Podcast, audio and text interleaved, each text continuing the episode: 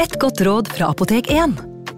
Nå er snart pollensesongen i gang, og et godt råd til deg som sliter med pollenallergi, er å begynne behandlingen i god tid før allergisesongen starter. Da får du nemlig enda bedre effekt av legemidlene, og så blir ikke våren din helt ødelagt. Kom innom og få råd på ditt nærmeste Apotek 1, eller chat med oss på apotek1.no. Apotek 1 vår kunnskap, din trygghet.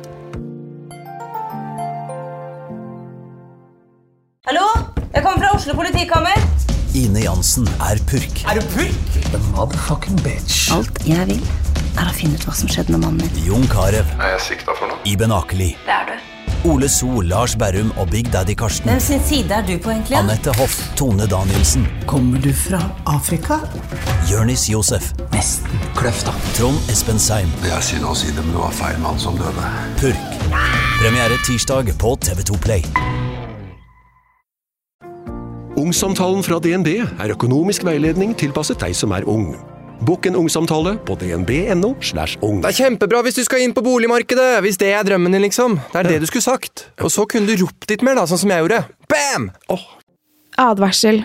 Historiene vi forteller i denne podkasten kan være fiktive og avvike fra den opprinnelige historien av dramaturgiske årsaker. Meninger og påstander i historiene reflekterer nødvendigvis ikke programledernes meninger eller virkeligheten.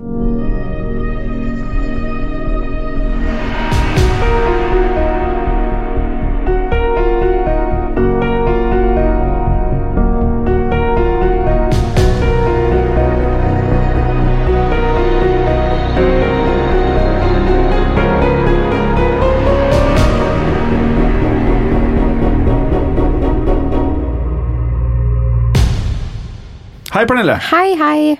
Hei, Vet du ikke når det er i dag? I dag er det onsdag. Eller er det torsdag, tekniker Bråten? Nei, det er onsdag. Det er onsdag. Det er onsdag, ja. Det betyr at det ikke er tirsdag, og tirsdag er jo skrekkpod-dagen. Hvorfor er ikke vi ute på tirsdag, Pernille? Det er det faktisk en veldig god grunn til, og det er litt min feil. Ja. Eller er det egentlig det? Det som har skjedd, er at jeg er valgt som meddommer. Så jeg har de siste, det føles som 100 ukene, men det er ja, mange uker nå sittet som meddommer, eh, og det tar veldig mye tid. Så jeg er opptatt hver eneste dag, så de eneste tidene jeg kan jobbe, er kveld og natt. Og det har jo gjort at Skrekkpodden blant annet har måttet eh, utsettes lite grann. ja. Så det kan jo påvirke denne episoden, og kanskje neste episode. Mm. Men etter det så er jeg ferdig. Og det er jo digg. For uh, det er jo greit for lytterne å vite at hver eneste tirsdag kveld så kan du høre stemmene våre. Eh, over til det som nesten har blitt vår uh, faste spalte her i Skrekkpodden. Hvordan går det med produsenten? Ja. Og i dag så er det jo produsent Bråten. Hei, Bråten. Hallo. Felix virker jo som han er most. Han er forsvunnet, han. Ja, det er jo nesten, man ser han nesten ikke på bruk lenger. Det er riktig. Og du eh, er eh, fortsatt litt sånn ikke på sorryen til Robert Udall? Nei, jeg kommer ikke til å beklage. Har det skjedd deg noe siden sist? Er det noe som du føler du kan klandre eh, Robert Udall for? Egentlig ikke. Nei. Det eneste som har skjedd siden sist, er at jeg har sovet litt dårlig og har litt vondt i ryggen. Oi. Men det er sånn som kommer og går, det. Så det er fortsatt på det at du ikke skal beklage til Robert, da. Absolutt. Hva med alle de lytterne som driver og beklager fremdeles til Raken? Det er jo ikke en greie engang, men folk beklager. Det må jo være en ganske skummel historie når man finner opp en egen eh, myte, holdt jeg på å si. Ja. Kommer ikke til å beklage til Raken heller. Nei. Men jeg syns det er bra å helgardere, jeg. Det er jo mange som har sagt unnskyld til raken òg, Kanskje det er smart? Ja. Vi, vi, vi har fått enormt med lytterhistorier eh, på mailen vår, som er skrekkpodden at modernmedia.no. Mange av mailene er jo også på at de enten beklager til Robert Udall, eller har faktisk da lignende eh, hendelser som det som er beskrevet i flere av episodene. Spesielt Raken virker det som det er mange som kjenner seg igjen i. Noe ufyselig på sengekanten som man ikke helt klarer å se ansiktet på. Det var jo litt det noen av de historiene vi fortalte i forrige uke også handlet om, som minnet litt om Raken. Ja, det gjør faktisk det. Eh, og vi må jo bare si at eh, denne uken også blir lytterhistorier. Ja. Eh, jeg føler også at det er litt viktig at vi klarer å ta med lytterhistoriene etter hvert som de er ferske og kommer inn. Og at vi da gir folk eh, ekstra insentiv til å sende inn lytterhistorier. Vi ønsker jo å prate om dette her, så send oss masse. Mange, mange, mange flere, selv om vi har mye allerede. Ja. Ok, Pernille. Skal jeg starte med min lytterhistorie i dag? Ja, det synes jeg. Ja.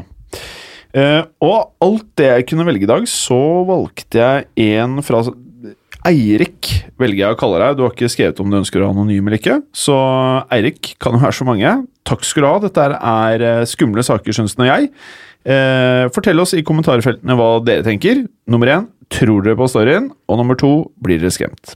Erik skriver først og fremst en liten hilsen. For en fascinerende og interessant podkast dere har. En perfekt måte å forhindre nattesøvn på. Takk skal du ha, Erik. Det er eh, målet med Skrekkpodden. Eller ett av målene. Han skriver så. Historien jeg nå skal fortelle, hendte ikke meg, men min mor, som etter hendelsen var skrekkslagen for det hun hadde opplevd. For vi bodde nemlig på en stor generasjonsgård, som jeg selv har opplevd mange uforklarlige ting på, men det er ikke det som er poenget her. For min mor hadde akkurat lagt seg for kvelden. Hun var helt alene hjemme, og selv om hun vanligvis ikke var redd for å være det, så skulle denne kvelden vise seg å være helt annerledes. For denne kvelden lå hun i sengen og holdt på med mobilen sin, som hun akkurat hadde fått. For dette var på den tiden man var i en overgang fra å gå fra fasttelefon til mobiltelefon. Som betydde at hun for første gang hadde tilgang på både mobiltelefon og fasttelefon på samme tidspunkt. Etter å ha stilt alarmen til vekking dagen etter, svarte hun på noen meldinger før hun la mobilen sin fra seg på nattbordet. Nattbordet sto rett ved siden av sengen. Hun lukket deretter øynene i et forsøk på å sovne, men etter kun 10–15 minutter så ringte det plutselig på hustelefonen. Hustelefonen var et stykke unna soverommet. Den var i etasjen under, i gangen, men hun kunne fortsatt høre den. Og hun tenkte hvem i all verden er det som ringer på hustelefonen så sent på kvelden? Hun stusset litt, men den fortsatte å ringe, og hun ble nysgjerrig. Hun tuslet ned trappen, forbi stuen, forbi kjøkkenet og deretter inn til gangen. Det fortsatte å kime i telefonen, og hun tenkte hun måtte sjekke nummeret på skjermen før hun svarte. Men det var da hun fikk seg en støkk og kjente en stor klump i halsen, og en følelse hun aldri vil glemme. For nummeret på skjermen, det var ikke et hvilket som helst nummer. Det var nemlig nummeret på mobiltelefonen hennes. Mobilen hun ikke hadde brukt siden hun la den fra seg på nattbordet, som ligger etasjen over. Hun ble naturligvis skrekkslagen og forvirret, men bestemte seg for å ta opp røret, og hun svarte, men ingen svar tilbake. Hun hørte kun susing, som igjen betyr at det faktisk var en åpen linje, og at noen faktisk hadde ringt. Dette er en historie som vi nå i familien fortsatt ikke klarer å forklare, men som vi prater en del om. Men hver gang vi tar det opp, så ser vi frykten i min mors øyne, som får meg til å tro at historien er helt sann. Ble du skremt, Pernille? Ja, jeg syns det hørtes forferdelig ekkelt ut. Mm. Hvis dette er sant, og jeg vet ikke om det er sant, men hvis det er sant, så hadde jeg fått helt noia. Jeg også. Men det første som slår meg, og det er ikke for å kritisere verken Eirik eller mora til Eirik, men det er at kanskje hun opplevde dette i søvne. Nei, fordi hun gikk jo ned trappen Mhm. til telefonen.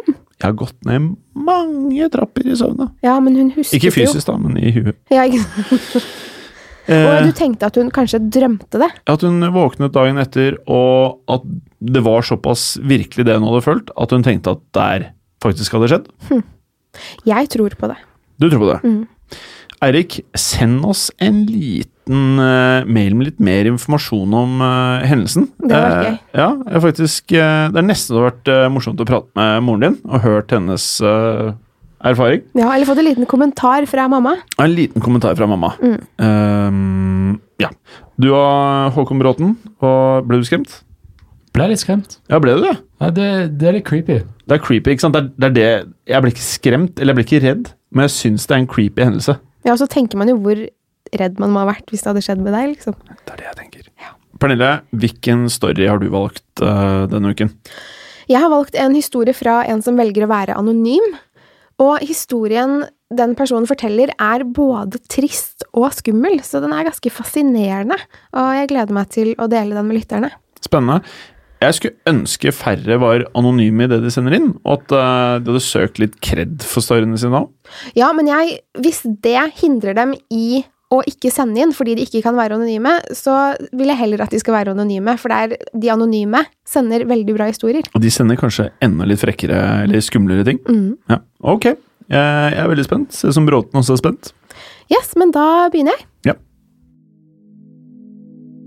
Hei, Skrekkpodden. Jeg har hele livet mitt opplevd uforklarlige ting.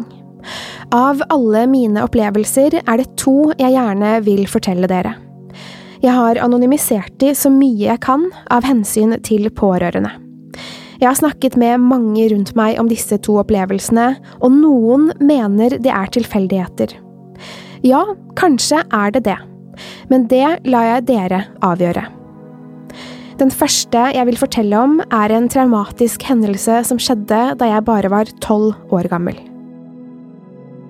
En dag kom vi på skolen, og vi ble møtt av helsesøster som fortalte at vår klassekamerat Ingunn hadde blitt akutt syk dagen før og dødd.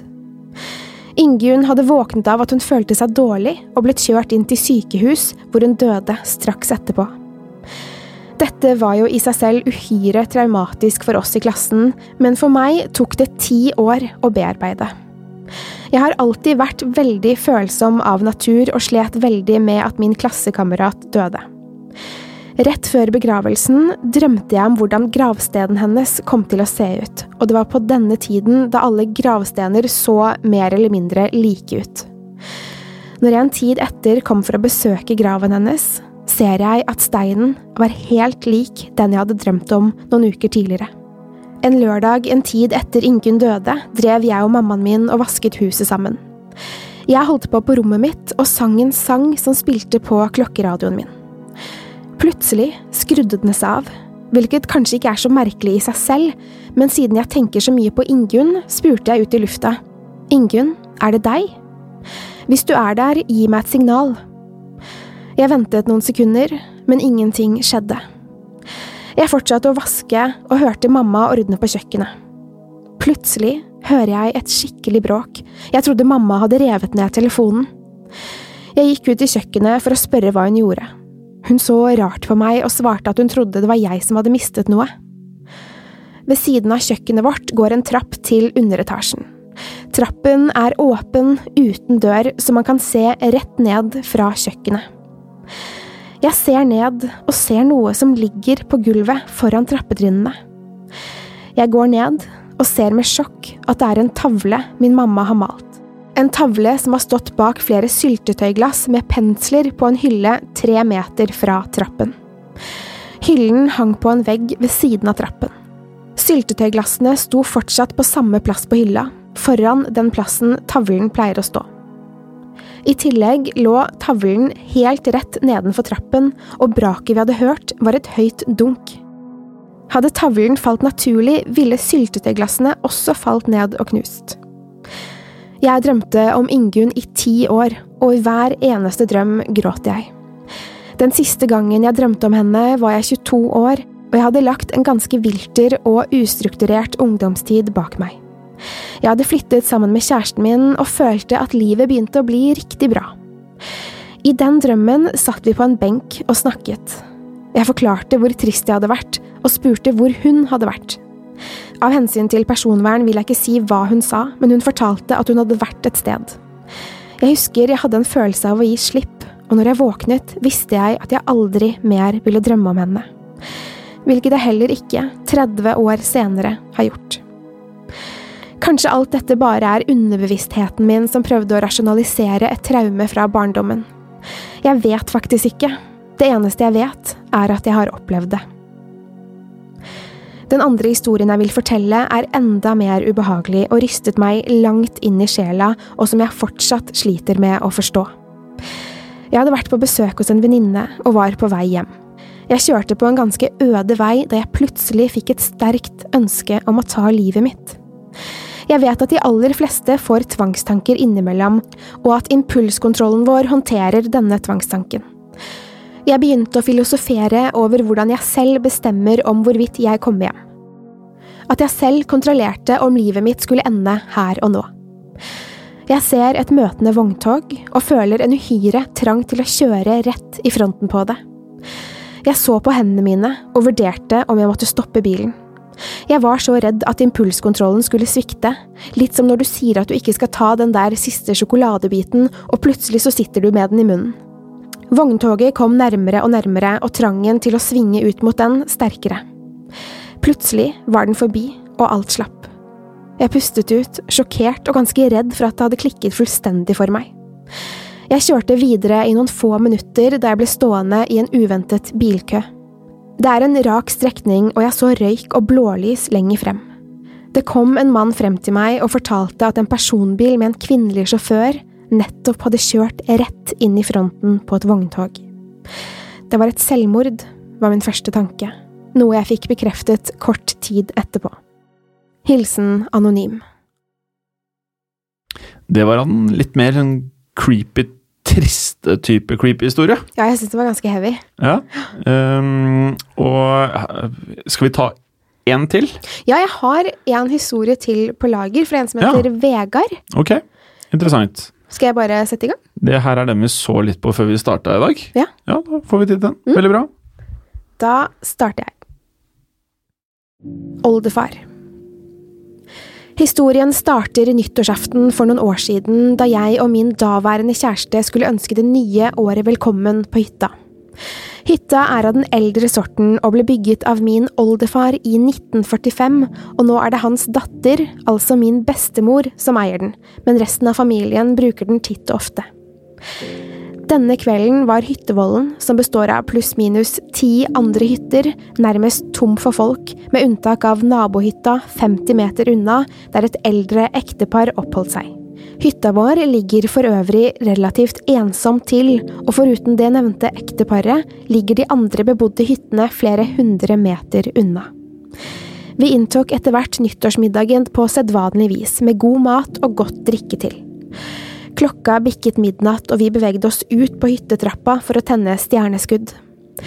Stjerneskuddene ble tent, samtidig som det ikke var en eneste rakett eller form for bråk rundt oss.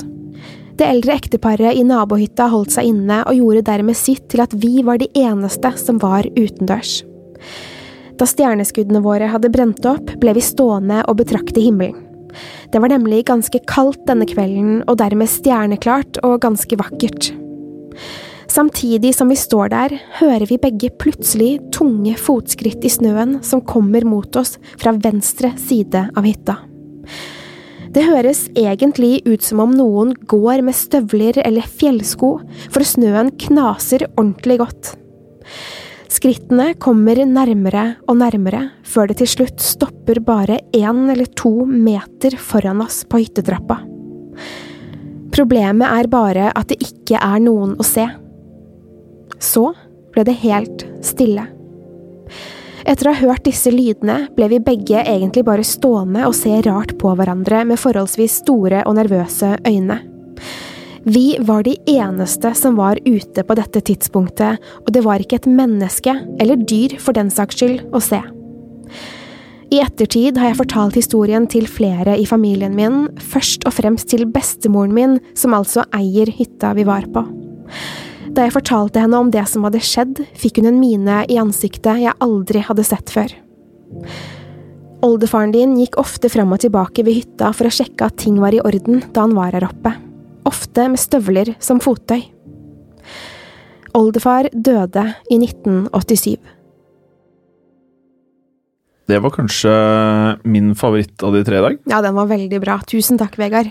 Tusen takk, Vegard. Det var eh, skummelt, og første gang jeg leste det, syntes jeg det var ekkelt. Men når du leste det, syntes jeg det ble ekstra ekkelt. Det var veldig hyggelig sagt, Inn. Ja, i den grad det å være skummel er et kompliment. Det, Det var det jeg prøvde på. Ja. Eh, vi har jo som sagt en uke til med at du er masse i en rettssal. Mm.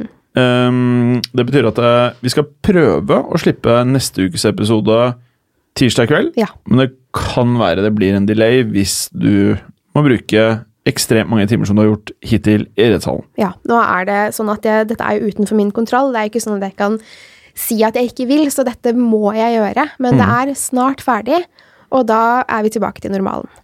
Deilig. Um, utover det så tenker jeg at vi skal oppmuntre, eh, som alltid, lytterhistorier. Det er gøy. Det er gøy å lese. Det er veldig gøy. Eh, Jeg er så flinke til å skrive, jeg blir helt imponert. Er det en viss type lytterhistorier vi ønsker mer av, vil du si, enn andre? Jeg syns det er veldig spennende med historier som knytter seg til steder. Altså sånne hytteturer eller kjente steder, sånn som den historien eksempel fra Bærums Verk. Mm. Det er veldig spennende, syns jeg.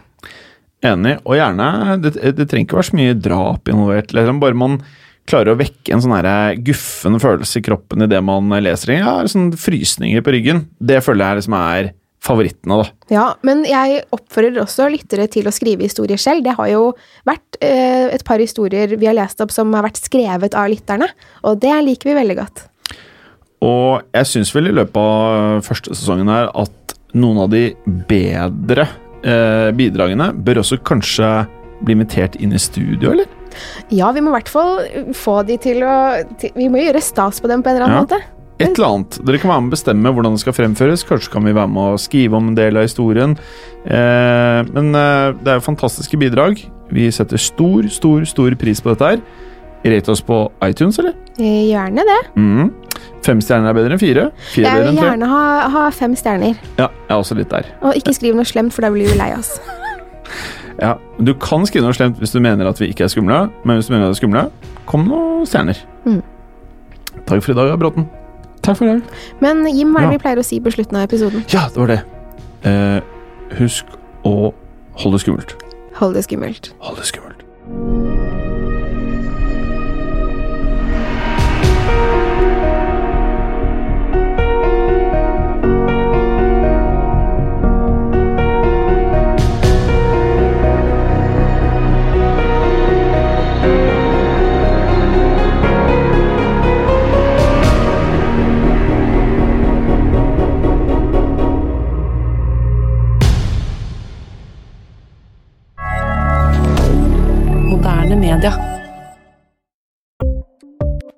Ukens annonsør er Folio, en smartere banktjeneste for deg som har en egen bedrift eller ønsker å starte for deg selv. Folio er en superenkel nettbank for bedrifter. Som kunde i Folio får du en bedriftskonto med et bedriftskort og app. I denne appen er det smarte løsninger som forenkler regnskapet ditt, uansett om du har en liten bedrift eller et enkeltpersonsforetak. Folio er både intuitivt og brukervennlig, og er laget med et enkelt språk. I tillegg tilbyr de forutsigbare priser og ingen skjulte gebyrer. Skulle du likevel trenge det, så kan du snakke med deres raske og hyggelige kundeservice, og der får du prate med en faktisk person og ikke en chatbot. Folio er med andre ord både enklere og koseligere enn banken. Over 10 000 bedrifter har allerede valgt Folio som sin banktjeneste, så besøk folio.no og se hvordan Folio kan forenkle din hverdag også. Har du et enkeltpersonforetak eller en liten bedrift? Da er du sikkert lei av å høre meg snakke om hvor enkelt det er med kvitteringer og bilag i fiken, så vi eh, gir oss her, vi. Fordi vi liker enkelt. Fiken superenkelt regnskap. Kiwi er billigst i VGs matbørs og har vært billigst i fire av de fem siste VGs matbørser. Og nå presser vi prisene på frukt og grønnsaker. På 200 gram broccolini setter vi prisen til 24,90.